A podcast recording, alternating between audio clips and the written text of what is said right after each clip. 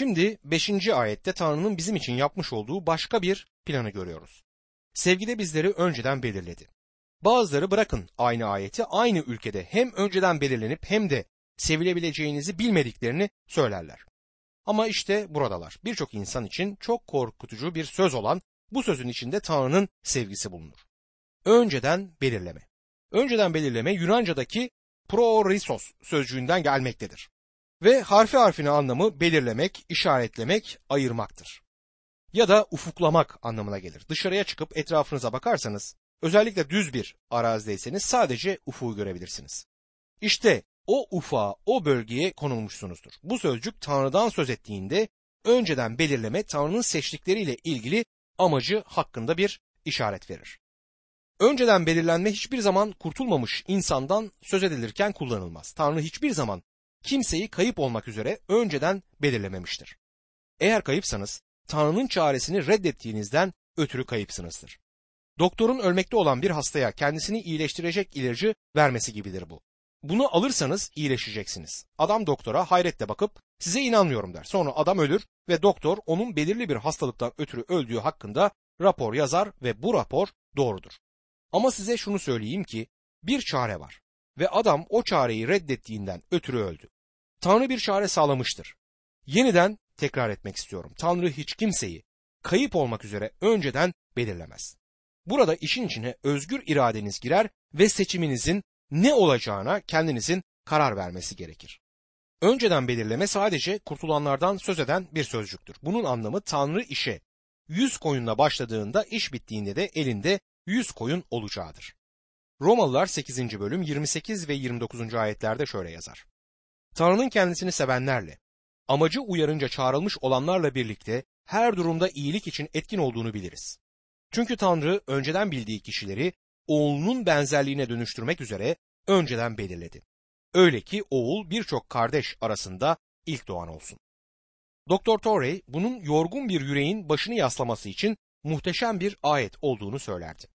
Onun amacına göre çağrılmış olanlar, onun oğlunun benzerliğine dönüştürülmek üzere önceden belirlenmişlerdir.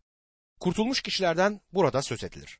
Romalılar bunun nasıl gerçekleştiğini açıklayarak devam eder. Romalılar 8. bölüm 30. ayetti. Tanrı önceden belirlediği kişileri çağırdı. Çağırdıklarını akladı ve akladıklarını yüceltti. Tanrı işe yüz koyunla başladığında işi yüz koyunla bitirecektir. Bu iyi bir yüzdedir sanırım. Yıllar önce koyun yetiştiren bir adam 100 koyundan 65'ini çıkarırsa minnettar olacağını söyledi. İşe başladığımızda sahip olduğumuz koyunların %65'ini pazara götürebilirsek para kazanabiliriz dedi. Bu insana eğer bir tane koyun kaybolursa bunun pek fazla bir zararı dokunmayacağını düşündürür. Size Rab İsa'nın ne dediğini söyleyeceğim. Bir adamın yüz koyun olduğunu ve bir tanesinin kaybolduğunu söyledi. Biliyorsunuz ki çoğumuz kurtulduktan sonra bile kayboluruz. Bunun anlamı kurtuluşumuzu kaybettiğimiz değil ancak onunla paydaşlıktan uzaklaştığımızdır. O denli kaybolabiliriz ki bazı insanlar kurtuluşlarını kaybettiklerini düşünerek korkabilirler. Ama küçük bir kayıp koyun dışarıda ve kayıp olsa da yine de koyundur. Yaşaya 53. bölüm 6. ayetin başı hepimiz koyun gibi yoldan sapmıştık der. Eğilimlerimiz, yatkınlığımız, gittiğimiz yol budur. Bu yol Tanrı'ya doğru değil, Tanrı'dan uzağa gitmek istiyoruz.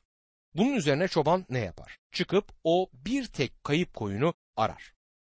O az önce koyun yetiştiren adamın soğuk rüzgarlı fırtınalı bir gecede yatağından çıkıp bir tek küçük koyunu aramayacağından eminim.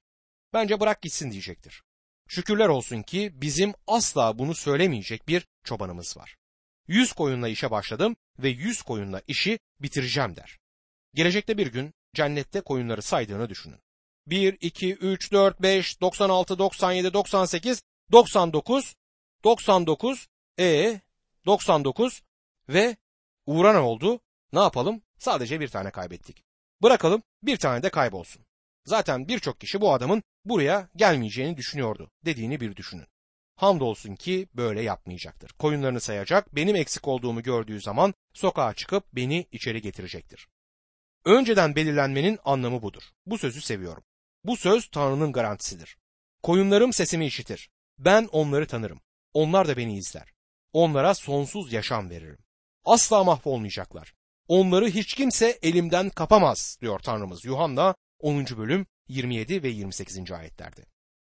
Eğer koyunlar kurtulurlarsa bunun onların akıllı küçük koyunlar olduklarından ötürü olduğunu hiçbir zaman düşünmeyin. Koyunlar akıllı değillerdir, küçük yaratıklardır. Eğer güvendeyseler bunun nedeni muhteşem bir çobanlarının oluşudur. Görkemli gerçekte budur. Bizler İsa Mesih'in kendisi tarafından evlatlığa kabul edildik. Bu tam olarak büyümüş evlatlık konumuna getirildiğimiz anlamına gelir. Bunu Galatyalılara mektupta ele aldık. Bu durum iki çok önemli şeyin altını çizer. Oğulluğa kabul edilmek, yeniden doğmak demektir. Tanrı'nın ruhu aracılığıyla yeniden doğduk. Tanrı çocuğunun ölümsüz ruhtan doğduğu 1. Petrus mektubunda 1. bölüm 23. ayette şöyle ifade edilir. Çünkü ölümlü değil, ölümsüz bir tohumdan yani Tanrı'nın diri ve kalıcı sözü aracılığıyla yeniden doğdunuz. Yeni bir ilişkiye yeniden doğmuştur bu kişi. Rab İsa Nikodim'e yeniden doğması gerektiğini söylediğinde söylemek istediği şey buydu. Evlat edinilmek onur verici ve ayrıcalıklı bir konumdur. Kurtulduğumuzda Mesih'te bir bebek olarak Tanrı'nın ailesine doğarız ama buna ek olarak bizlere yetişkin oğullar konumu da verilir. Bizlere öğretmenimiz olarak kutsal ruhu verdiğinden babanın sözünü anlayacak bir durumdayızdır. Çocuklarım iki yaşına geldiğinde sürekli konuşurlardı ama söylediklerinden sadece birkaçını anlardım. Buna karşın ne istediğini ya da neye ihtiyacı olduğunu hemen kestirebilirdim. Küçüklerdi ve söylediklerini neden anlamadığımı anlamıyorlardı ama onlar da benim söylediklerimi her zaman anlamıyordu. Harika olan şey bugün cennetsel bir babam oluşudur ve ben uzun süre bebektim. Ve o bana beni kendisini anlayabileceğim bir yere koyduğunu söyler. Çocukların büyüyüp de birbirimizi anlayabileceğimiz zaman geldiğinde bu gerçekten güzel. Ancak Tanrı bizimle şimdi iletişim içerisindedir. Elçi Paulus bizlere bunun nasıl olduğunu söyler.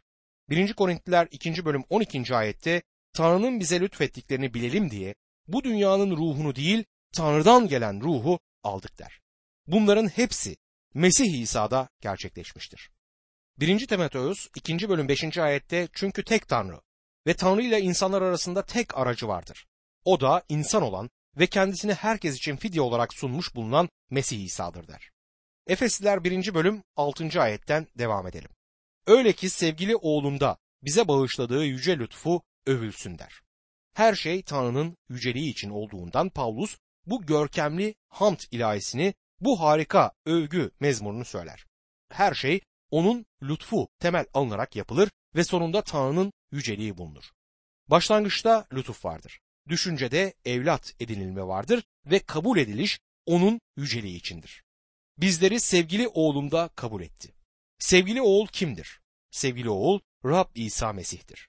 Yuhanna 17. bölüm 24. ayette Baba bana verdiklerinin de bulunduğum yerde benimle birlikte olmalarını ve benim yüceliğimi, bana verdiğin yüceliği görmelerini istiyorum. Çünkü dünyanın kuruluşundan önce sen beni sevdin diyen Rab İsa'dır. Tanrı inanlıyı Mesih'te görür ve inanlıyı tıpkı kendi oğlunu kabul ettiği gibi kabul eder. Bu harikadır. Ve benim cennette olabilmemin temeli de budur. Orada kendi erdemlerimle olamam. Ben sadece sevgili oğulda kabul görürüm. Tanrı beni tıpkı Mesih'i sevdiği gibi seviyor. Çünkü ben Mesih'teyim. İsa Mesih Yuhanna 17. bölüm 23. ayette şöyle der. Ben onlarda, sen bende olmak üzere tam bir birlik içinde bulunsunlar ki dünya beni senin gönderdiğini, beni sevdiğin gibi onları da sevdiğini anlasın. Öyleyse Baba Tanrı tarafından gerçekleştirilmiş üç iş vardır. Tanrı bizleri Mesih'te seçti. Bizleri oğulluk konumuna getirdi. Bizleri sevgili oğlunda kabul etti. Bunların hepsi onun lütfunun yüceliğinin övülmesi içindir. Övgüyü alan odur. Her şeyi gerçekleştiren odur. Tüm bunların hepsi sizin ve benim iyiliğimiz içindir. Bunun üzerinde durup tadını çıkartmayı seviyorum. Bunda sevinmeyi seviyorum ve bundan söz ediyorum. Çünkü bu konu sözü edilmeye değer bir konudur. Günümüzde birçok gereksiz konuşmadan çok daha değerli sözlerdir bunlar. Mesih'te vahyedilen Tanrı'nın lütfunu görmeye çok ihtiyacımız var. Tanrı oğlu kilisenin bedelini ödemiştir. Efesliler 1. bölüm 7 ve 8. ayetlerde şöyle yazar. Tam bir bilgelik ve anlayışla üzerimize yağdırdığı lütfunun zenginliği sayesinde Mesih'in kanı aracılığıyla Mesih'te kurtuluşa, suçlarımızın bağışlanmasına kavuştuk. Sonsuzlukta Tanrı bizleri seçti. Önceden belirledi ve bizleri sevgili oğlunda kabul edilmiş kıldı. Şimdi sonsuzlukta Baba Tanrı'nın planları kiliseyi oluşturmak için zaman ve mekana giren Mesih'in eline vermiş olduğu zamana geliyoruz. İsa'nın 2000 yıl önce bu dünyaya gelmiş olduğu tarihsel bir gerçektir. Tanrı insanlığa müdahale etti ve 33 yıl boyunca bu yeryüzünde yaşadıktan sonra bir çarmıh üzerinde öldü, gömüldü, bedensel olarak dirildi ve göğe alındı. Bunlar Tanrı sözünün bize verdiği tarihsel gerçeklerdir. Kendisi buradayken bizleri kurtardı ve bu kurtuluş onun kanı aracılığıyla gerçekleşti. Bu günümüzde fazla popüler olmayan bir olay. İnsanların çoğu güzel bir din, estetik anlayışlarına uygun bir din istemektedir. Mesih'in çarmıhı insanın estetik anlayışına hitap etmez. İnsanların gururuna hitap etmez. Ne yazık ki liberal kiliseler ve sözde kutsal kitaba inanan kiliselerden birkaçı da insanın eski doğasına hitap etmektedir ve bu yüzden Mesih'in kanı bu yerlerde vurgulanmadığı gibi iğrenç bir şey olarak düşünülür. Yıllar önce bir hanım şimdi ölmüş olan Doktor Morgan'a geldi. Zengin bir duldu ve gözlüğünü takıp ona bakarak Doktor Morgan, kan hakkında konuşulduğunu duymak istemiyorum. Bana bu iğrenç geliyor ve estetik anlayışıma uymuyor demişti. Doktor Morgan tiksindirici olduğu konusunda size katılıyorum ama iğrenç olan tek yanı sizin ve benim günahlarımızdır diye bunu yanıtladı. Kurtuluş kanı hakkında iğrenç olan tek şey dostum günahtır. Büyük bir kiliseye yeni bir vaiz gelmişti. Bir çift kendisine yaklaşıp kanı fazla vurgulamadığınızı umarız dedi. Son vaizimiz kan hakkında çok konuşuyordu. Umarım siz kanı fazlasıyla vurgulamazsınız. Onu kanı fazlasıyla vurgulamayacağımdan emin olabilirsiniz diye bu vaiz yanıtladı. Hoşnut oldular ve kendisine teşekkür ettiler. Vaiz bir dakika kanı fazlasıyla vurgulamak mümkün değildir dedi ve kanı vurgulamaya devam etti. İnsanlar için iğrenç ama onun kanı sayesinde kurtuluşa sahip kişiler için muhteşem bir mucizedir dedi. Tanrı planı yaptıktan sonra oğul üzerinde çivi delikleri olan elleriyle kiliseyi oluşturmak için dünyaya geldi. Eski antlaşma çerçevesinin tamamı hayvanların kurban edilmesiyle günahların kan aracılığıyla silinmesine hazırlık yapmaktadır. Ancak bu günahları yok edemezdi. Bunu ancak Mesih yapabilirdi. İbranilere mektubun yazarı bunu İbraniler 10. bölüm 6 ila 13. ayetler arasında şöyle dile getirir. Yakmalık sunudan ve günah sunusundan hoşnut olmadın. O zaman şöyle dedin. Kutsal yazı tomarında benim için yazıldığı gibi senin isteğini yapmak üzere ey Tanrı işte geldim. Mesih ilkin kurban sunu, yakmalık sunu, günah sunusu istemedin ve bunlardan hoşnut olmadın dedi. Oysa bunlar yasının bir gereği olarak sunulur. Sonra senin isteğini yapmak üzere işte geldim dedi. Yani ikinciyi geçerli kılmak için birinciyi ortadan kaldırıyor. Tanrı'nın bu isteği uyarınca İsa Mesih'in bedeninin ilk ve son kez sunulmasıyla kutsal kılındık. Her kahin her gün ayakta durup görevini yapar ve günahları asla ortadan kaldıramayan aynı kurbanları tekrar tekrar sunar. Oysa Mesih günahkarlar için sonsuza dek geçerli tek bir kurban sunduktan sonra Tanrı'nın sağında oturdu. O zamandan beri düşmanlarının kendi ayaklarının altına serilmesini bekliyor der. Onda kurtuluşa sahibiz. O sözü Mesih olan sevgili oğuldan söz etmektedir. Bizler sevgili oğulda Mesih'te kabul edildik. Kurtarış Mesih'in birinci işidir. Burada harfiyen onda kurtuluşa sahibiz denmektedir. Mesih dünyaya bundan ötürü geldi. Matta 20. bölüm 28. ayette ise nitekim insanoğlu hizmet edilmeye değil hizmet etmeye ve canını birçokları için fidye olarak vermeye geldi der. İsa Mesih sizin ve benim kurtuluşumuzun bedelini ödemeye gelmiştir. Bizler günaha köleydik ve o bedeli ödeyerek bizleri kurtarmak ve bize özgürlük vermek için İsa Mesih yeryüzüne geldi. İncil'de kurtuluş olarak tercüme edilen üç Yunanca sözcük bulunur. Ago razo sözcüğü pazardan almak anlamına gelir. Burada günlük yiyecek ihtiyacını karşılamak için pazarda alışveriş yapan bir kadın resmedilmektedir. Sebze ve et görür, parasını verip bunu alır. Bedelini verir ve tabii ki onlar onun olur. Öyleyse bu agorazo sözcüğündeki tek düşünce satın alıp çıkartmaktır. Paulus bu sözcüğü kullanmıştır. 1. Korintiler 6. bölüm 20. ayette. Bir bedel karşılığı satın alındınız. Onun için Tanrı'yı bedeninizde yüceltin der. Bir diğer sözcük ise exagorazo sözcüğüdür. Pazardan almak anlamına gelen bir sözcük. Ve bir şeyi kendi kullanımı için satın almak anlamına gelir. Birisi pazara gidip o eti ve sebzeyi alabilir ve bu maddelerden fazla bulunmayan bir sonraki kasabaya gider ve onları üzerine kar koyarak satabilir. Bu sözcük aynı zamanda malları pazardan alıp onları hiçbir zaman satmamak, bunun yerine kendi kullanımı için saklamak anlamında kullanılır. Bu Galatyalılar 3. bölüm 13. ayette kullanılan sözcüktür. Mesih uğrumuza lanetlenerek bizi yasanın lanetinden kurtardı. Çünkü ağaç üzerine asılan herkes lanetlidir diye yazılmıştır. Bunun anlamı Mesih'in bir daha satılmayalım diye bizi satın almasıdır. Bedeli ödemiştir ve bizleri pazardan satın almıştır. Bizler artık ona aitiz. Kurtarış için kullanılan üçüncü Yunanca sözcük ise burada 7. ayette kullanılan apoludrosis sözcüğüdür. Fidye ödemek aracılığıyla özgür kılmak anlamına gelen bir sözcük. Luka 21. bölüm 28. ayette bu anlamın aynısını taşıyan söz kullanılır. Luka 21. bölüm 28. ayette şöyle yazar. Bu olaylar gerçekleşmeye başlayınca doğrulun ve başlarınızı kaldırın. Çünkü kurtuluşunuz yakın demektir. Kurtuluş harika bir söz. Sadece pazara gitmek değil, aynı zamanda parayı ödemek, bir daha hiç kimseye satmamak üzere sadece kendi kullanımımız için pazardan alıp götürmekle de kalmayan, aynı zamanda bedeli ödedikten sonra özgür kılmak anlamına gelen bir söz. Sonuncusu bir köleyi özgür kılmak için kölelikten satın almak anlamına gelir ve bu ayette gördüğümüz kurtuluş sözcüğü de budur.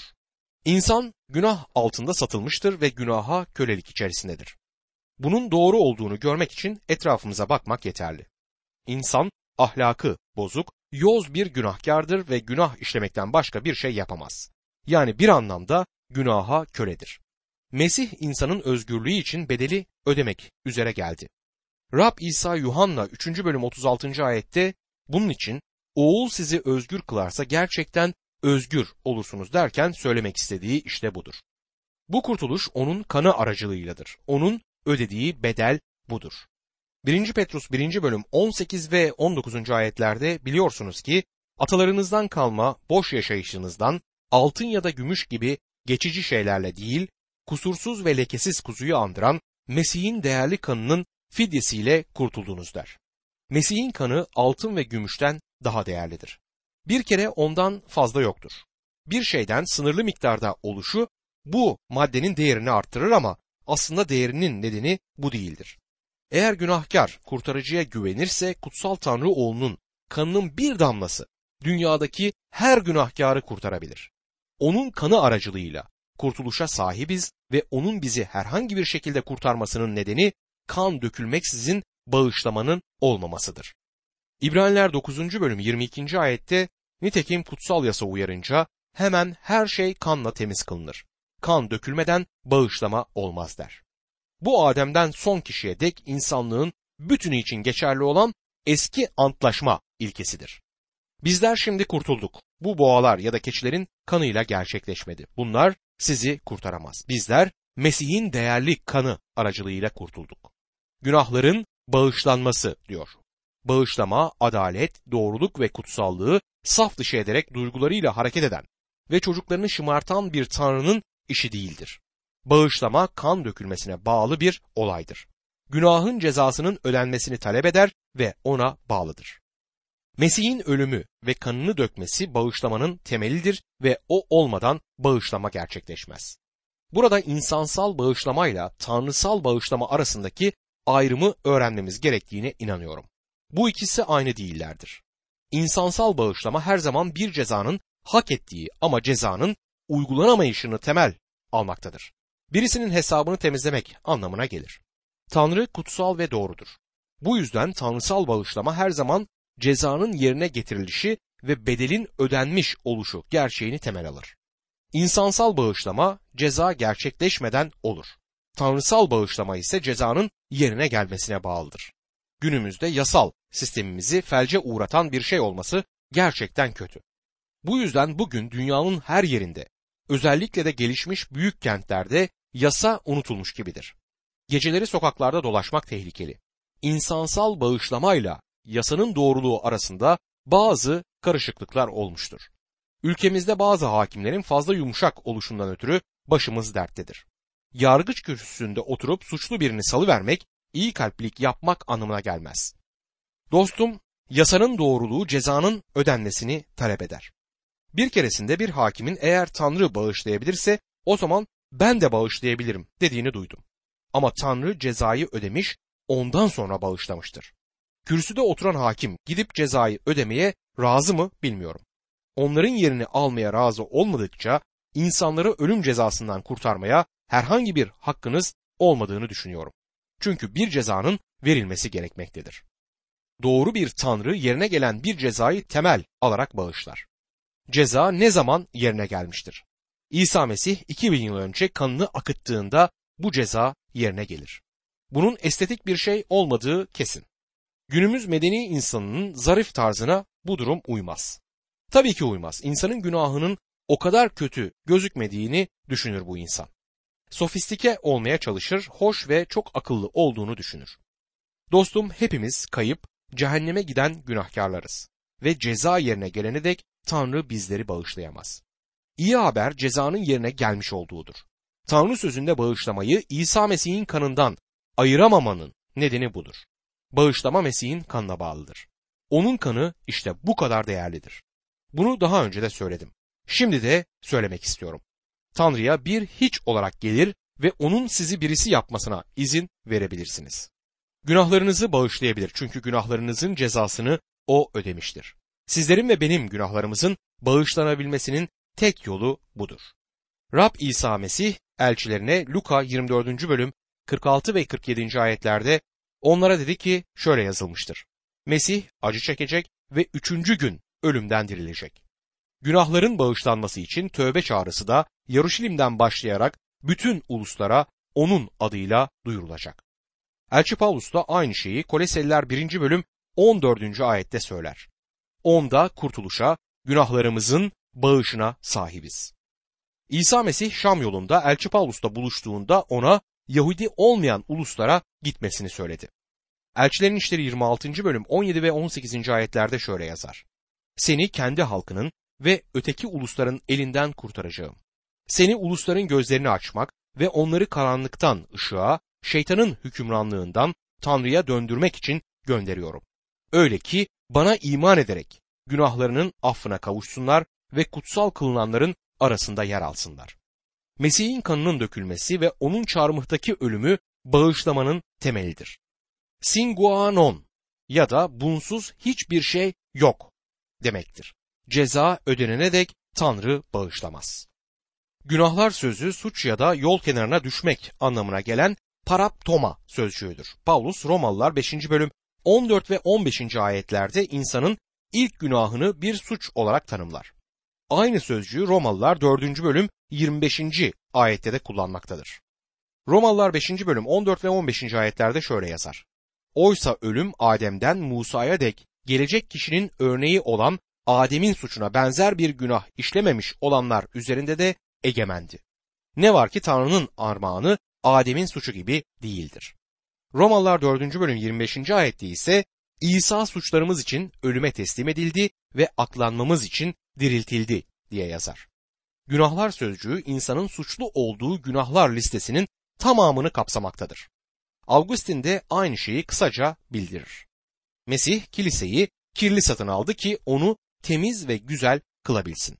Onu kendi kanıyla satın aldı ve günahımızın cezasını ödedi. Lütfunun zenginliği sayesinde ya da zenginliğine göre bu ilginç bir sözcüktür. Lütfunun zenginliklerinden denmez, lütfunun zenginlikleri sayesinde ya da zenginliğine göre der. Aradaki farkı belirtmek isterim. Uzun yıllar önce ölmüş olan Doktor Rockefeller'ın Florida'da golf oynarken sopalarını taşıyan çocuğa her zaman 10 sent verdiğini biliyorum. Bu kadar çok para vermenin bu adam için ne kadar zor bir şey olduğunu her zaman düşünmüşümdür.